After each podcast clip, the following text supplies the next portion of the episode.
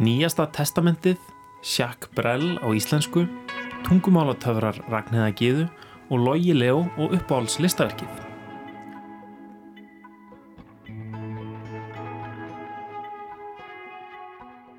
Undir lokþáttar í dag förum við heimsókn í hverfisgaleri og ræðum við meðlimi Gjörningaklúpsins um nýjastu síningu þeirra. Hún heitir Nýjasta testamentið. Ragnöðu Gíða Jónsdóttir flyttur okkur pistilum töfraheim tungumálana og myndlistamæðurinn Logi Leo Gunnarsson segir okkur frá sínu uppáhalds listaverki. En við byrjum á gríðarlega sérmerandi belgískum söngvaran, manni með magnað andlitsfall, reysastóran munn og stórkoslega rött. Tónlist hans er komin út á íslensku.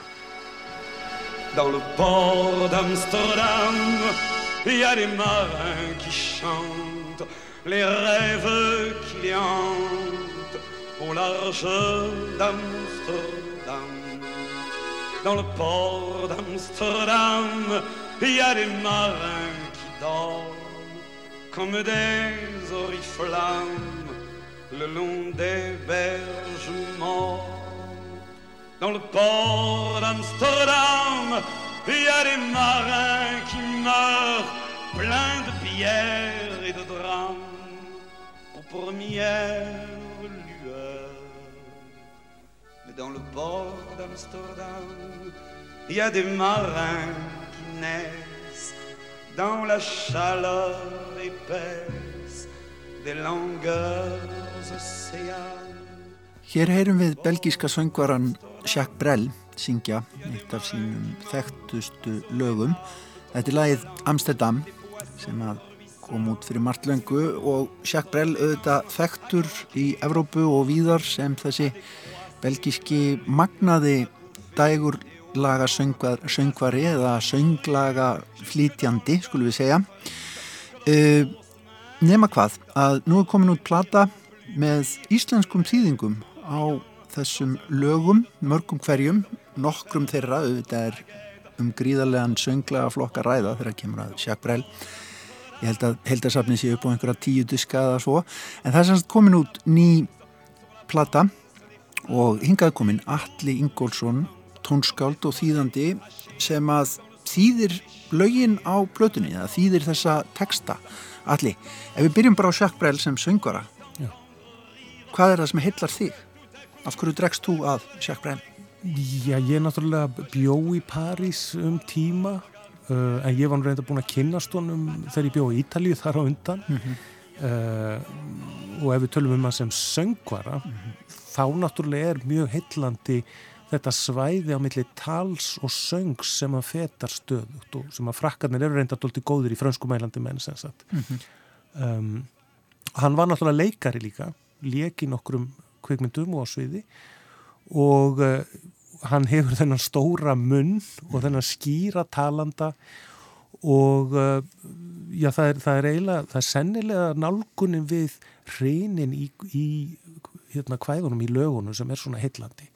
Frjáls en bundin. Það er eitthvað, þú veist ekki fyrri til en þú ert allt í einu en hann er farin að tala og svo allt í einu er hann farin að syngja. Og það, það þessi mörg eru svo, svo óljóstundum Niður á höfn í Amsterdam sérðu sjóara þjóra með stórirð og óra um öldunar ram.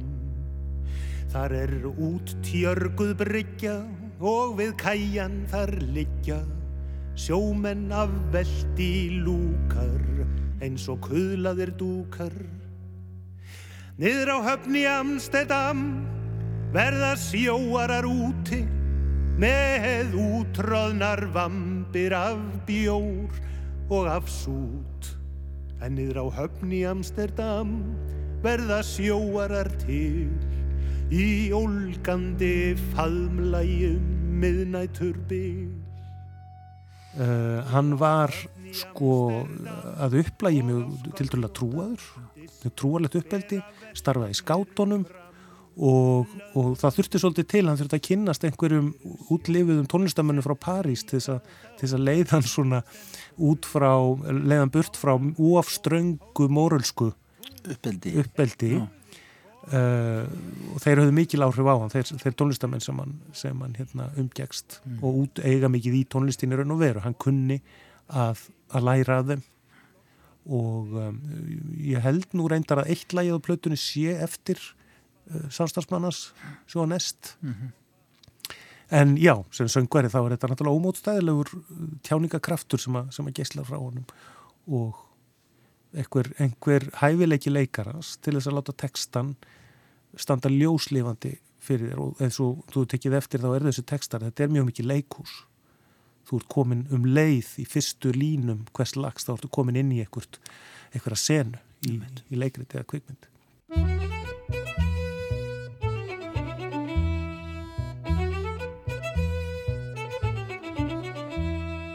Mamma, ég segi þér eins og er, nú máttu byggja fyrir mér, hún tildar á leiðinu.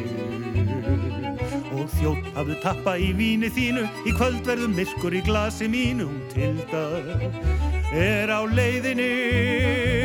Heyrðu þerna, hvernig sem fer, það má skipta núnum, sænguður, hún tildar er á leiðinu Vinir ekki fara frá mér í kvöld er en einn glíman hjá mér ef skadraðist hilda er á leiðinu sko hann samdi mikið af þessari músík sjálfur en hann hlýtur að hafa sungið líka eftir aðra eða hvað? Ég er, eða er þetta bara aðla allt eftir hann það er eiginlega þannig. Magnaður, og hann samdi mögn, magnaður lagasmíðar. Alveg reynd og, og hann samti langbæsta þessu sjálfur. Uh, samstagsmennans eru skráðir fyrir sko á móti honum fyrir mörgum lagana Mm. og eitt og eitt lag er alveg eftir eftir einhvern samstagsmannans en þá semur hann textan Já. þannig að hann er söngva skáld alveg reynd 100% hann er mjög lítið að, taka lög eftir aðra. Ég veit að þetta er stort og mikið höfundaverk en er þetta að spyrja sko um hvað syngur Jacques Brel? Þetta er, um, já, ég, ætla að syngja ekki um, um hérna samhegðina innstinni. Sko, personurnar í lögunum, þetta eru miklu vesalingar, annarkort, þetta er, hann syngur um karlmennskuna líka, þetta er mjög karlægt sjónarótt, uh, með öllum sínum uh, breyskleika og, og sagt, það, er, uh, það eru vonbrigðin, það er ástinn og um, hann er ekki, hann er ekki mjög pólitískur en það bregður samt við sko tón, hérna, sagt, samkend með, með uh, þeim sem að minna með með fátækum og svoleiðis. Þannig að það kemur stundum svona beittur þjóðfélagstótn inn í þetta inn á, inn á milli. Já, á og til, en hann er ekki, hann er ekki fyrst og fremst, maður myndi ekki skilgreina þannig, sko, hann er miklu meira inn í, inn í persónlega lífinu, ástinni og, og vombriðunum og kalthæðninni yfir örlugum okkar, kalthæðnin að eldast, yfir því að eldast, uh, það er alltaf grátbrósleg hlið á öllum, öllum lögum eiginlega. Það kemur alltaf fram uh, eins og í sömu lögum á plötunni, sko. Það byrjar, byrjar þannig að þú, þú hefur samkjönd með þeim sem, að, sem er að uh, tala. Svo kemur í ljós í lókina, hann er óttalegu veselingur og maður, maður langar meira til að hlæja á hann heldur en að heldur en að hafa samkjönd með honum. Mm -hmm. Hann setur okkur í þessar aðstæð. Þetta er semst mikið, mikið leikús. Hjarta, gerðu mér enga rekki, láttu bara eins og þú vitir ekki að tildar á leiðinu. Skinnfæri hættið að segja í kór að nú sé hún fallegri þegar hún fór, hún tildar sem er á leiðinu.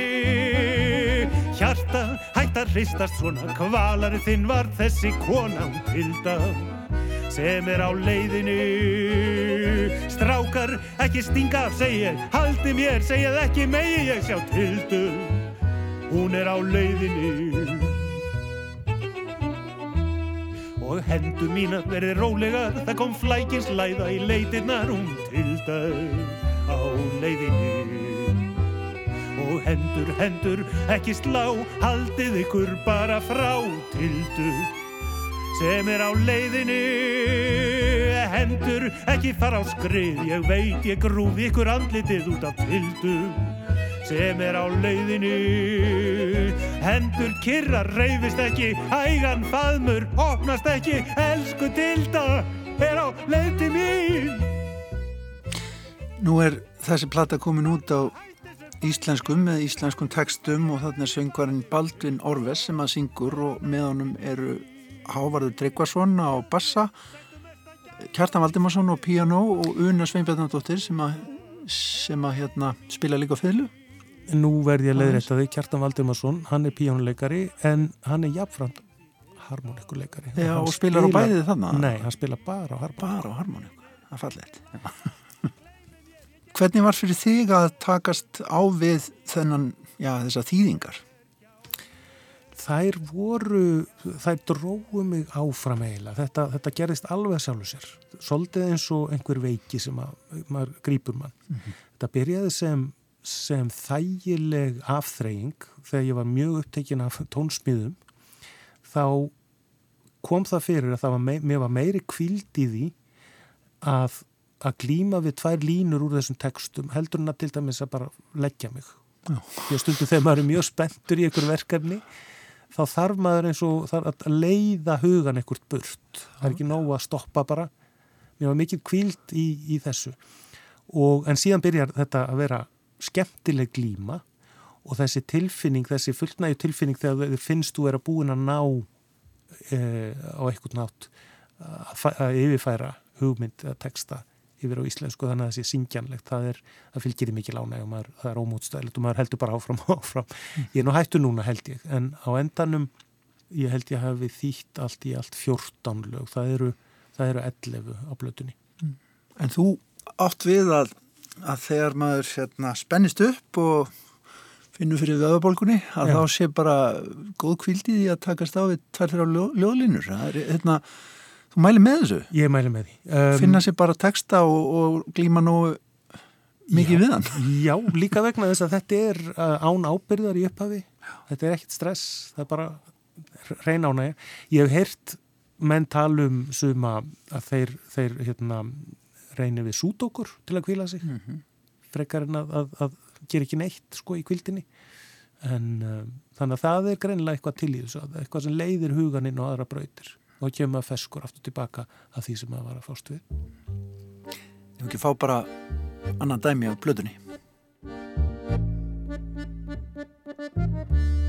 Næstur inn Næstur inn Eins og reyktur kjúli ber með handklæði um þjóa. Kraftar ból á enni og sápust ekki lóa. Næstur inn Næsturinn Ég var 20 ára. Við vorum hundrað fæstir í flíti að verða næstir. Á eftir þeim sem voru næstir. Næsturinn, næsturinn, ég var 20 ára og var ekki að skemmta mér í þessum faran sirkus sem herþjónustan er. Næsturinn, næsturinn, Æ, þeir máttu vera hlýlir við þá sem þurft að hýma þarna eða brosa eða gefa meiri tíma en næsturinn, næsturinn. Þetta var kannski ekki slátrun en samt bara allt of snemt og hvað ég núna yðraðist að klúðra svona ment og næsturinn næsturinn. En eftir að ég heyrði þessum liðsfóringja berra sig þá veit ég allt um herrfylkingar, geldinga og perra. Næsturinn, næsturinn Ég sver við fyrsta dráttin, heilaga klamedíu og þór. Að enn er inn í hausnum á mér þetta skræka hljóð. Næsturinn, næsturinn, þetta öskur mettað kvítlaug og ódýrasta bjór. Þetta er krafa þjóðana og þetta er krafum blóð. Næsturinn, næsturinn og æg síðan sér hver kona sem lætur sig rinja í hóraðan faðminn virðist verað stinja Næsturinn, næsturinn þeir næstu allra landa ætti að taka höndum saman. Þetta er það sem hrópa ég um miðjanótt í kasti. Næsturinn Næsturinn En stundum ekki kasti. Hugsað kannski er grára gaman Og ennþá verri smán Að vera undan en sá næsti. Næsturinn Næsturinn Ég skal gerast fallafól eða nunneittæginn Gera bara eitthvað, hengja mig Svo ég þurf aldrei meir að vera Næsturinn, næsturinn, næsturinn.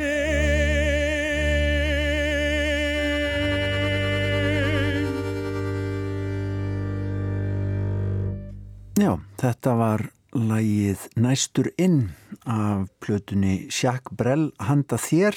Þarna var það Baldvin Orves sem að söng. Baldvin Orves, kannski dálitið dulafullur karakter, við vitum ekki alveg uppruna hans. En eitthvað kannast Alli Ingólfsson við kauða. Hann sað okkur frá þýðingum sínum á söngtekstum Sjakk Brell og þessari nýju útgáfu sem að kemur aðeins út á vínilplötum. Þetta er svo flott og fínt, en við þökkum alla fyrir komuna í Víðsjá. En þá snúum við okkur að hinnum vikulega lið hér hjá okkur áskoruninni, þar sem að skorað er á hlustendur þáttarins að segja frá sínu uppáhaldslistaverki. Í síðustu viku var það Margrét H. Blöndal, myndlistakona, sem skoraði á Loga Leo Gunnarsson, kollega sinn, myndlistamann. Þá er það bara spurningin, hvaða verk velur Logi Leo Gunnarsson? Það er verkið til að Get It Right eftir myndlistakonuna Síl Flóir.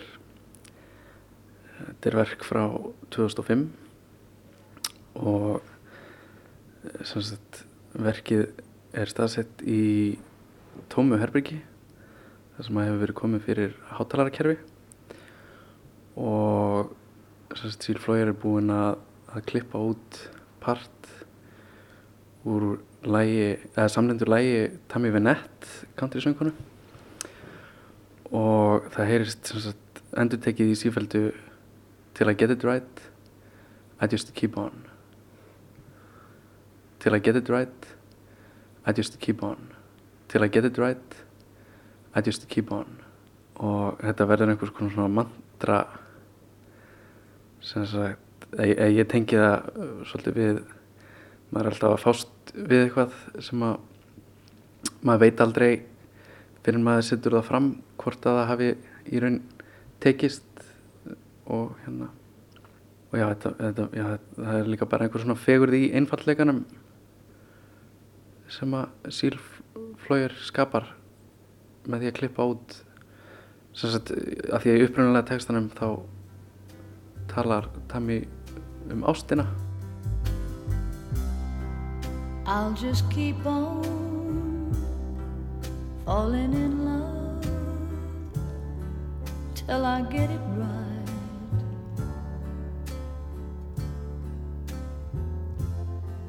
Right now I'm like a wounded bird. Þetta er þess að bresk myndlistakona sem að uh, koncept myndlistakona vinnur mikið með tungumálið og mikið með fundin efni við eða svona ready made uh, það er kannski líka eitthvað sem að mér finnst með þetta verk tengist svolítið við eða ég tengi það svolítið við upplifun mína á henni sem myndlistamanni af því að ég kann að meta mjög mikið af verkunum hennar en svo eru líka sum inn á milli sem að ég hef einhvern veginn enga tengingu við. My door to love has opened out.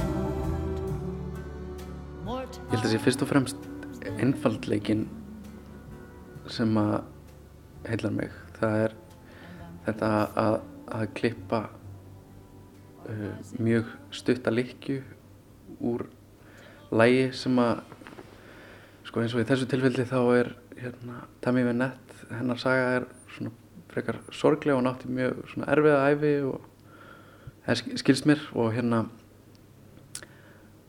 og en, en þarna er einhvern veginn búið að, að gera þetta, taka þennan texta og gera meira abstrakt.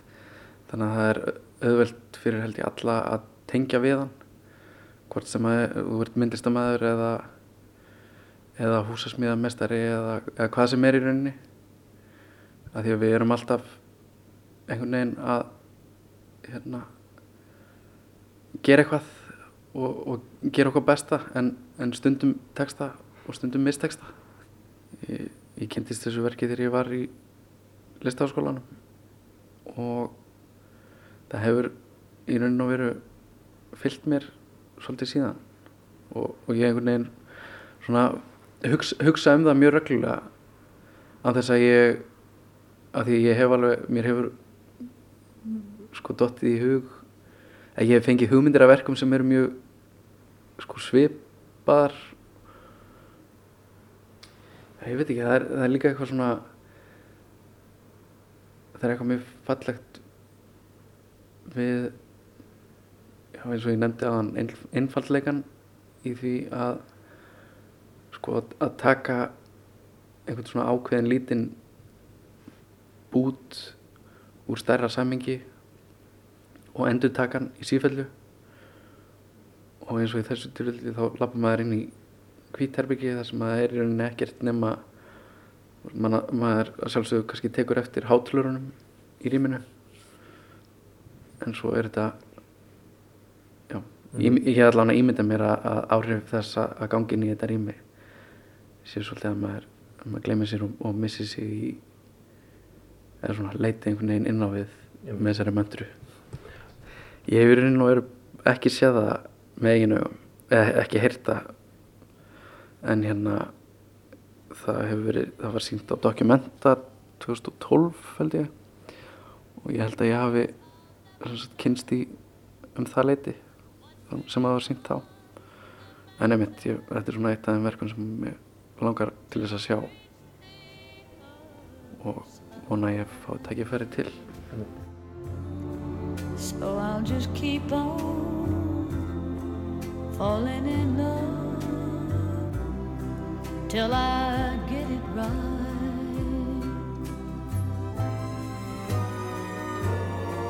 If practice makes perfect, then I'm about as perfect as I'll ever be in my life. Ég ætla að skora á Þórunu Björnsdóttur, myndlistarkonu og tónlistamann með love till I get it right.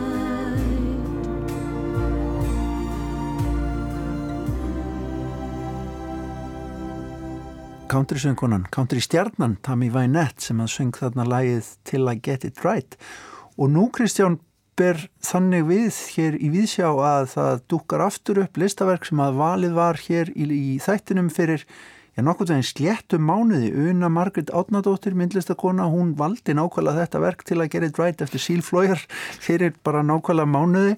Svona er þetta, þú talaðir við Loga Leo og ég talaði við Unni Margreti og þá varst, þú varst nú náttúrulega ekki í þættinum þá Nei, en svona bara raðast þetta upp. Þetta er eiginlega frekar ótrúlegt. Já, af, af öllum listaverkum heimsins hugsaðir að hérna, þetta sé hér með mánaða millibili valið sem listaverk, uppáhalds listaverk myndlistamanna tvekja reyndar. Mhm, tenging kannski gegnum lista áskólan, ég segi það ekki. Einmitt. en hérna þetta er eiginlega hlýtur að vera alltaf góð meðmæli með þessu verki. Já, einmitt, en það, það er kannski líka eitthvað í loftinu sem að gera þetta verk svona meira aðlaðandi fyrir fólk, ég það Já, ekki. nákvæmlega, það kannski er eitthvað einhver sögn sem að liggur í tíðarandanum sko, poppar upp í gegnum verkið og, og höfðar svona til fólks. Einmitt, en, en, þetta er náttúrulega sem gerir þessar áskorundu alveg skemmtilega, já, mjög skemmtilegt. það getur gerst Áhugavert, eh, en þau hafa örgulega ekki vitað, eða Logi hefur örgulega ekki vitað að því að unna Nei, þetta verk. Finnst mjög ólíklegt að hann hafi eh, þá valið þetta mánuðið síðar ha.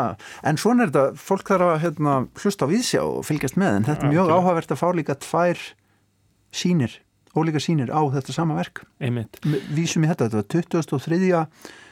janúar sem að Unna Margrét var hérna hjá okkur einmitt, en ég er allavega bara farin inn á YouTube núna að skoða verkið. Já, það er enda fóða lítið að sjá þetta er bara hérna, hátalar út í hotni og hljóð sem að fyllir ímið, við erum eiginlega bara auglýs eftir því hér að, að já, einhver góður listasalur í segin og ekki sapn eða jafnvel sapn hérna, bara fáið þetta verk til landsins Ég mitt. við erum greinlega að sjá það Já. en ef ekki haldið áfram með þáttinn um, Ragnhildur Gíða Jónsdóttir hún hefur verið undanfarna daga og vikur hjá okkur að velta fyrir sér töfrum tungumálsins og tungumálanna hleypum Ragnhildur Gíðu að Ljótu hálfvitarnir, þarna handaði hæðina. Þeir halda að sjöval sé fært. Svona getur fólk kantast sem býð þétt saman. Til dæmis fransku mælendur í Alsas sem segja sjöval um hest og þýsku mælendur í Elsas þeirra hestar eru færte. Ekki þurfa Íslendingar að hafa þungar áhyggjur af svona nokkru. Þó eru spennur gerðnan spílur eistra hjólin undir bílum akureyringa, punktera frekar en springa. Borðtuska hér siðra er borð ríja eða borð drusla við eigafjörð. Appelsínur eru hlutaðar í báta, lauf, geira og jafnvel fleður. Sumir skræla kartöblur, aðrir skralla þær. Svo ekki sér talað um pulsur og pilsur. Kókdós eða kókbaukur er vist svo kolluð flökkusaga en góð og svona mætti lengi telja meðal okkar eigaskeggja. Við höfum búið hér í tæp 1200 ára minnstakosti en löngum reynd að leggjast í ferðalag. Þá höfum við ekki vílað fyrir okkur að laga erlend örnefni að okkur en nú er svo komið að mörgum þykir nóg um. Sjá enga ástæðu til að nota sakselvi fyrir elbe sem rennur meðal annars um Þýst Saksland, Lundúni fyrir höfustad Englands sem Rómverjar stoppsettu og kolluðu Londinium en enskir London. Svo ekki sér talað um Diblinni eftir Daflinn, Svartapolli við bakka Liffjár þar í staðnum. Vexford eða Veisafjörð, eins konar Leirifjörð, Waterford eða Veðrafjörð en þetta kann líka snúist við. Þar sem núverandi Sjannon á rennur út í Arlandsafið á enni grænu, hétt forðum Lymnach, en það hétt Sjannon þá Lymnich. Nárænin menn settust aðst nefn á nýjöndu öld og ætli þeim hefði ekki bara þótt liggja beint við að snúa ískun upp á íslensku með nafninu Hlimrekur. Og eldra ískanafnið og það norræna runnið saman í Limerick á máli fyrrum herrafjóðarinnar og liggja þá norræn nöfn í austurvægi óbætt hjá gardi. An au unanipit en ta'rasu, mah mahi, mah aminti, mah abda, u eh kuwa, em shatan. Nuk waab em maat piu, mit a em nimu, at a em kishatan, aru a em kishunt a, nuk ura kish akshut, tasarju khrasan er'a, nuk uniu. Eitthvað á þessa leið á tunga fordra íbúa Nílardals að hafa hljómað. Ekki kvarlar að um 95 miljónum manna í fjölmennastaríki Norður Afríku að þeir búi í Egiptalandi. Nema þegar þeir tala við útlendinga. Heima hjá sér og kvundags búa þeir í Misren og eru Misrien á klassískri arabísku. En Masren og Masrien á sinni egifskri málísku arabískunar. Arabísku mælendur hensins tala ímis afbreyði tungumálsins og styðjast gerðnan við klassíska arabísku þegar tveir eða fleiri af ólíku þjóðurni koma saman. Það er 75 miljónir sem búa ekki í höfuborginni segja svo gerðnan Masren þegar þeir eiga við Kæró. Masren þýðir landið en í sögulegu ljósi er merkingin eiliti floknari í því leynist nefnilega hugmynd um stjórn og stjórnsýslu, stjórnstöð eiginlega. Hitt er svo allt annað mál að ekki hefði fornir faróar og þegnar þeirra kannast við þetta heiti lands og þá þjóðar. Lengi vel voru ríkin í svokalluðum í Ílardal nefnilega tvö, Efra og Neðraríkið. Það neðra var í norðri, ósólmar fljótsins, en það efra í söðri, alltaf Asvan, sem reyndar hétt Svennett um þær mundir, eftir gefju orustu veiða og frjósemi. Fyrir rúmum 5.000 árum sameinaði faraón okkur ríkinn tvö og allir byggu í Kemet, svartalandinu. Kentu við landið með fram fljótinu og frjósömmum framburði þess. Auðnirnir í vestri og austri voru Rauðalandið, Desret. Þá þarf engin að efast um hvaðan ennsku, frönsku, portugalsku og spænsku mælendur hafa sínar útgáfur af Eðimörk. Nílarfljót hétt þá ekki Níl, heldur ímist Hapi eða Íterú, fljótið. Nafnið Egiptaland er svo grískættuð afbökun og krókóttur skóarstígur. Á vesturbakka Nílar, ekki mjög löngu eftir að ósólmónum sleppir í næralandinu, standa heimsfrægir píramítarnir og svingsinn og hafa gert í þúsundir ára. Um 20 kílometrum suðvestar stóð forðum borgin Men Nefer, höfuðborg faroa fortríkisins. Nafnið mun þýða fögur og eilíf og þar var að auki miðstöð verslunar og viðskipta enda höfnin rétt við ósólmanna og þaðan var varningur fluttur norður og söður um ríki faroás og til annara landa. Í Men Nefer og Narsveitum var mikil helgi á guði handverksmanna og arkitekta, Pita. Hof hans í borginni var mest bygginga þar og hétt Hutt Kapita, hús eða hafgarður sálar Pita. Samkvæmt grískum sögum áðu Menelás og Helena Fagra í Egiptalandinni á leið heim frá Tróju. Eftir vil komuðu fyrst við í Men Nefer en fara á setti þau í stofufangilsi mun sunnar í landinu og þar eiga þau hafa dvalið í áratug. Á lókum komist heim til spörstu með alla sína reynslu og upplifun í farteskinu. Ekki liðu margar aldir þar til Hellenar, gríkir, heldu í skemmtiferðir um Nílardal og rúmum 300 árum fyrir okkar tímatal lagði Alexander Mikli Filipusson frá Makedóníu, Gríklands, Egiptaland undir sig. Að honum látnum fekk Ptolomæjos herfóringi Egiptaland í sinn hlut.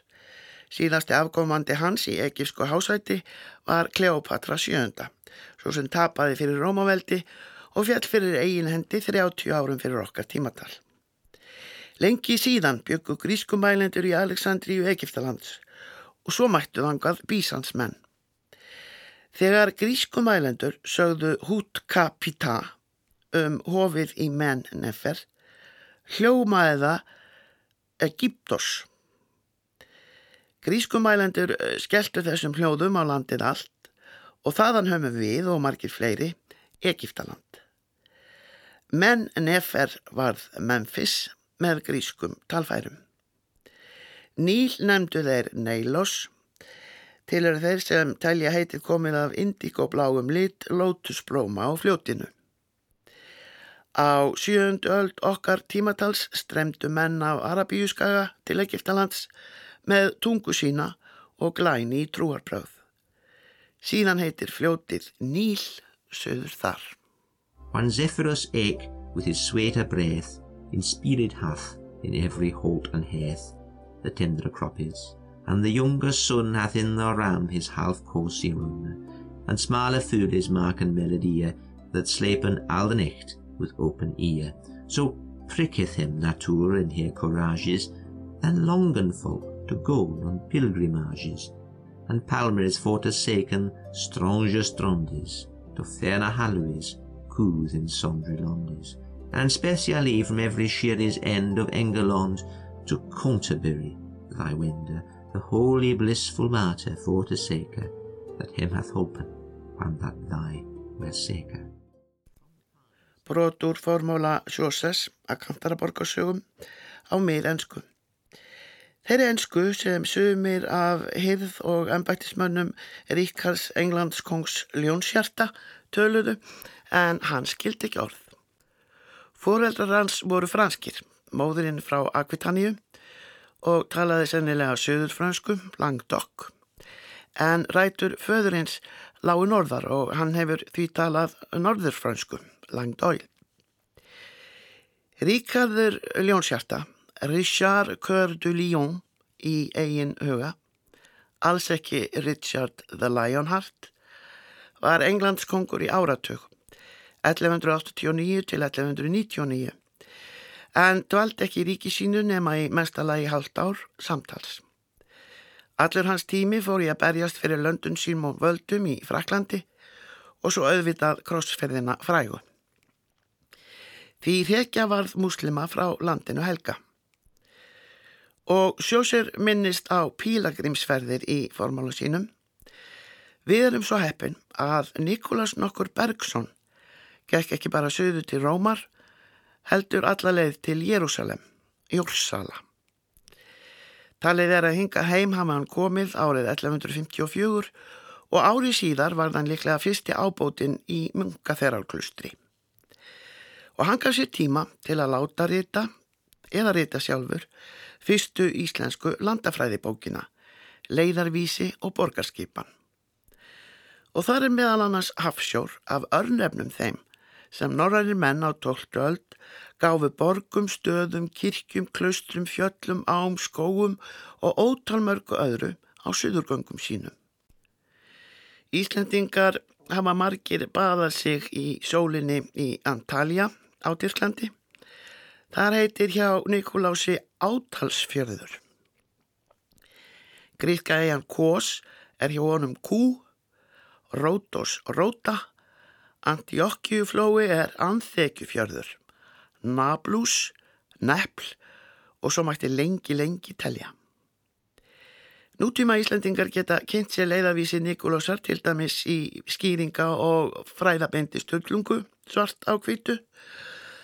Um átta áratugum eftir að Nikolás ábáti skráði leiðavísi taldi Sturla Sigvardsson sér skilt að ganga stuð til Rómar og fund Páfa og bæta með því fyrir arfaslæma meðferð sína og föðu síns á Guðmundi góða Arasinni hólabiskupi.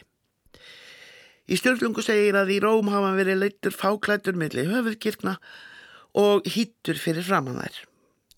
Rómarbúar hafi þyrpst út á götur og tork, undrast, líðurinn barði á brjóst sér og harmaði þegar svo fríður maður og svo hörmulega leikinn og máttu eigi vatni halda bæði konur og karlar. Í stjórnlungu segir hins vegar ekkert um hvort stjórnla kynnti sér leiðavísi Nikolásar ábóta hann lagði í hann.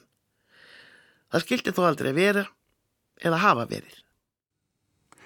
Þetta var Ragnhildur Gíða Jónsdóttir með töfra heim tungumálana. Hún veldir þessum ágæða heimi fyrir sér aftur í næstu viku hér hjá okkur í Vísjá.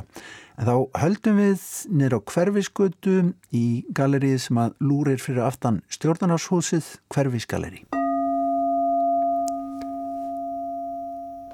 Nú verður flutt nýjasta testamentið. Já, ég er hérna stattur í Hverfisgalleri og Hverfisgötu með meðlumum Gjörningaklúpsins, Jóni Jónsdóttur og Eirunu Sigurðardóttur. Um, hérna var að opna síningin nýjasta testamentið. Þetta hljómar eins og einhver svona viðbót við trúarreitningu kristina manna. Af hverju þarf að uppfæra hana? Já, uh, það, við, uh, hvað ég segja, árið 2017 vorum við með trílógíu um Maríu sem við ætlum kannski ekki að fara djúft í að ræða hér en það gekk út á svona, þá vorum við að tengja Maríu með við öfum sem svona óléttu, það var svona óléttu ferli í þremur, þremur hlutum. Og nýju mánuðum. Og nýju mánuðum. Og þá fórum við að skoða þetta allt saman og vorum bara að hugsa um þetta hennan atburð þegar Marju er tilkynnt að hún uh, muni verða ólétt og hún eigi eignast þennan dreng og hún eigi að skýra hann Jésu en það sem vantar fyrir okkar nútum manneskjöldnar er að hún sé spurð hvort hún hafi áhuga á þessu verkefni. Marja May gaf aldrei samþykki fyrir því að ganga með barn. Hún var aldrei spurð. Gerandin, Guð í þessu tilfelli, kom hins vegar fram vilja sínum. Þetta er saga um valdbeitingu. Þetta er ekki falleg saga.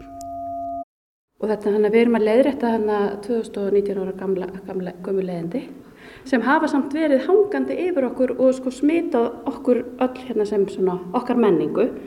Að því að við höfum kannski ekkert verið að spurja krítiskra spurningar til dæmis út í þetta og það er svo margt í samfélaginu okkar sem að sem manni finnst alveg eðlilegt þannig til að maður setur upp svona kannski krítisku glerugun og fyrir eitthvað svona býtu, er þetta alveg normal? Og þú, það er svo mikil endurskoðin í gangi núna í samfélaginu. Já, og það má eiginlega segja að í þarna uh, undir lokin á þessari nýjum mánuða meðgöngu uh, og trílógíu að þá í rauninni byrtist okkur uh, Aquamaria sem er svona hluti af, af þess, þessa, þessu verkefni og svona kannski huldukona um, Gildi og huldukona sem er svona á, fær kannski svolítið upprist æru gegnum Maríðnar og bara Gildiðsöguna og hún um, byrtist okkur uh, á svipum tíma og MeToo-byltingin er að hefjast í oktober 2017 akkurat þegar við erum að undirbúa síðasta kaplan í trílógiðinni þannig að það átti Hvað er í gangi? Það nú er eitthvað að vera að bóra kemur. Já. Þetta verðist vera hægt í bili. Æ, stoppuðu alveg flæðið. Já, hún kemur aðna inn á, á sama tíma og við erum að klára trílógina. Þá hefst MeToo-byltingin og þá á það sérstaklega vel við inn í okkar myndlist að fara inn í þessa endurskoðun. Og þá sem ég við uh, baróttuljóð sem að uh, við fengum síðan Ólaf Björn Ólafsson tónskáld til að taka Afi Maríur, Sjúberts og Kaldalóns og rýmiksa þeim sem undirspil við þann söng, eða það, það ljóð og það heyrum maður hérna á síningunni í videoverki með frábæri óperusöngkonu sem við kynntumst í Svíðjóð þegar uh, þetta var frumflutt.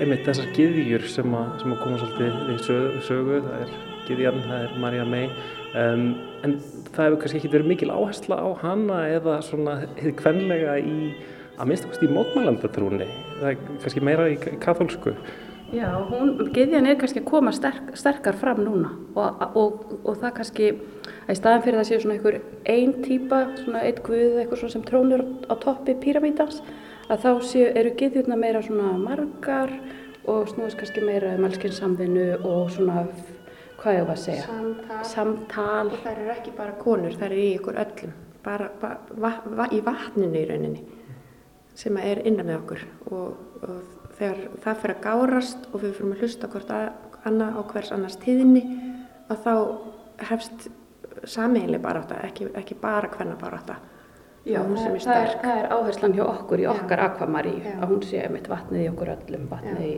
í jörðinni og, og svona einmitt.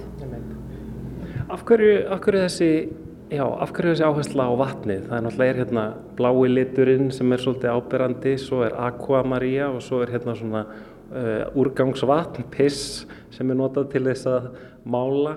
Af, af hverju þessi áhersla á vatnið? Því að vatnið er svo dýrmætt, það er ekkert líf án vass og þetta er eitthvað sem er ekki að fara að endurnega sig.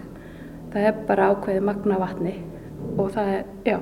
Vatni hreinsar en það líka eh, fyllir og það, það frýs, það, veist, það, það er einhvern veginn orkan í kringum okkur sem er svo mikilvæg og náttúran og við, ekki, þurfum ekki bara að berjast fyrir okkur og, og jafnréttinu í kringum okkur heldur líka fyrir náttúrunni að við erum saman henni.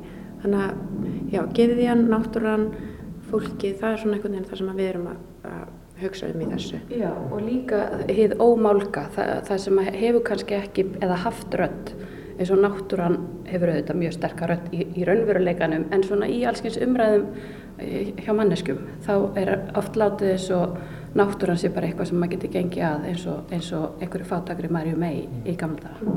Og þetta hljómar allt mjög hippalegt en við erum samt búin að sjá það að hipparnir hafði í raunin rétt fyrir sér og við erum eitthvað komin inn á öld vassberan sem voru svo, þeim var svo umhugað um og sungu um. Þú veist, það, það er að fara, þessar breytingar eru hafnar og það má eiginlega alveg sjá það fyrir sér að það muni taka langan tíma því þetta er með, með við kristnasögu 2019 ár en, en það, þannig að það, það mun taka meiri tíma og það, þess vegna þurfum við öll að tala um þetta við erum sem myndlistamenn að taka okkar hérna, pissa á okkar stað í sögunni til þess að tala um þetta Já, við erum að merkja okkur svæði og þessi, þessi pistofverk hérna, þetta er sko, það er mikið beint á hennar 300 gramma vasslutapapir. Það er ekkert gert, svo er þetta bara látið þarna.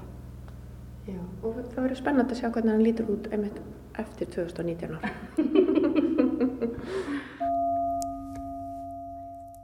Marius Bjall, Gjörningaklúpsins Það ber svo við um þessar mundir að konur um alla heimsbyggðina skila nú skömminni.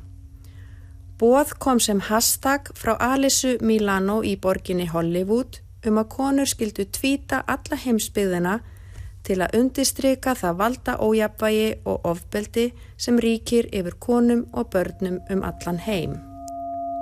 Þetta er náttúrulega, þetta er rosa skemmtileg síning, það er, það er mikið húmor í henni og það er svona hérna, mikið svolítið, svolítið svona glens sem er kannski líka svolítið andstaða við hvernig, hvernig kirkjan hefur svona kynnt sjálfa sig og, og, og hennar svona arleið og hún er ekki kannski uppfyllað sem húmor.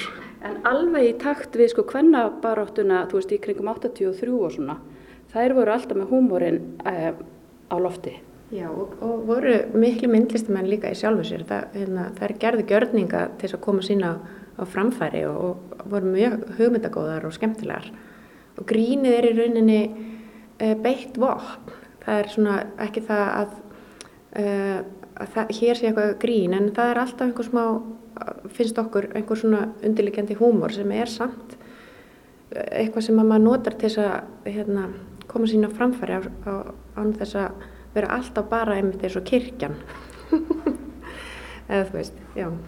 En hvernig er það, nú, nú veit ég að þið til dæmis sínduð Aqua Maria í Neskirkju um, og þetta er svona það er náttúrulega er gaggrinni þarna á kirkjuna um, hvernig, hvernig hafa voru viðbröðin þar, hvernig, hvernig hafa viðbröðin almennt verið svona frá kirkjunar fólki? Já, það sem við ákvaðum að gera þegar við fengum tækifæri til þess að sína í Neskirkju var að predika í staðan fyrir að vera að tala undir rós og rosa miklu myndlíkingum endilega að þá hvað við bara, við, nú búum við til okkar nýjasta testament. Þannig að við fluttum þann texta þar og þar voru við líka með kvennakór sem söng Aqua Maríu, 40 kvennakór.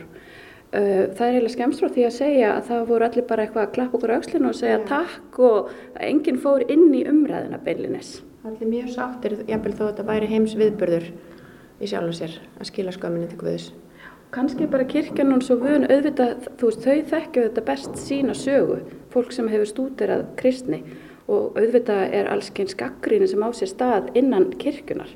Við gerum okkur alveg grein fyrir því og þessi pæling sem við erum að setja fram núna, það, hún kannski kemur þeim ekkert á óvart þó að svona almenningu sé kannski ekki að hafa ekki velt þessu fyrir sér og þannan hátt. Mm. Eða ég ímynda mig það. Já og svo er það líka bara myndlistin sjálf. Maður, við höfum líka alveg spurt okkur hver, hérna, er, er myndlistin líka búin að gera svo margt að, að fólk tekur hana kannski sem sjálfs, að það sé sjálfsagt að maður segi svona hluti og sé kannski ekkert að velta því meira fyrir sér. Já, eða kannski bara að það skipti ekki mála að það sé einhverju myndlista eða listamengi sem muni ekkert hafa áhrif út fyrir það eða eitthvað svo leiðis kannski, kannski bara innan myndlistar heimsins eða einhverja fára þannig að já, þetta eru alls konar vangaveltur sem eru spennandi. En náttúrulega líka með því að nefna þetta nýjasta testamenti þá er, eru þau kannski líka að segja að kristnin sé ekki endilega algjörlega uh, hún sé óforbetranleg það er hérna fyrir að bæta við hana og í rauninni að vinna áfram með einhverja hefð. Já og ég menn það er margt mjög fallegt í kristni. Og við hérna á Íslandi flest búum að einhvers slags þannig uppeldi. Og er, við erum ekkert eitthvað Já, ég menna að fólk sem talar um sína batnatrú, það er ekkert annað en bara eitthvað, eitthvað fallegt. Og það er í bara öllum trúabröðum þetta, þú veist, nú varst um að, að reyna bara að lifa af og reyna að vera góðu hvort annað. Já, syngja saman, mantra og, og heila sig með, með því að vera saman og já, hlusta góðan söng og, og vera með. Með. Um, en þetta er sem sagt um, fyrsta síningin í svolítið langan tíma þar sem að þið eru ekki að flytja lifandi gjörninga, er það ekki, allavega hérna, hérna á Íslandi? Jú, það er það. Það, það eru hvað nýja ár síðan við heldum, vorum með enga síningu síðast. Já, sem að svona, svo vorum við með enga síningu sem var gjörningur á listasöfn Íslands, emitt. En svona, já, klassisk svona síning með verkum, ekki í nýja ár, en mikið af gjörningum og annað, en við höfum, og við höfum líka gert enga síningar í útlöndum, en já, það bara þróast þannig. Stórum söfnum og galleríum erlendis, Já. en þannig að þetta er einstakt tækifæri. Mm. Koma hérna í ge- vorum við nýlega að gera hérna stuttmynd sem að uh, er, verður núna á Stokkfissháttíðinni. sem heitir Salnasafn, svo mynd og hún er unnin upp úr gjörningi, stórum gjörningi sem við gerum 2016. Já, og svo næsta atriði hjá okkur, það er að fara til Bergen, við erum að fara að taka þátt í Borealis sem er svona tilrunarkend tónlista uh, hátíð og þar eru við í samvinnu við, við eh, tónskáld og, og uh, svona hóp sem heitir Adapter Ensemble. Þannig að það er ekkert listform sem er gjörningaklúbnum óviðkomandi. Nei, við gerum allt.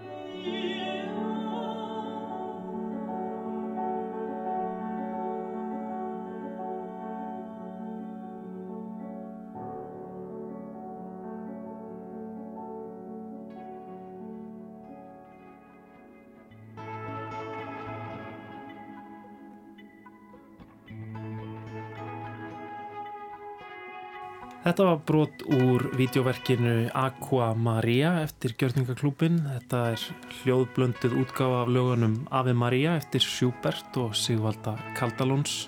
Já, já. Sýningin stendur, stendur yfir þanga til 16. mars Já. nýri hverjusgalleri. Það er að sjá hana. Herðu, en segjum þetta gott í dag, Kristján. Já, verið sæl.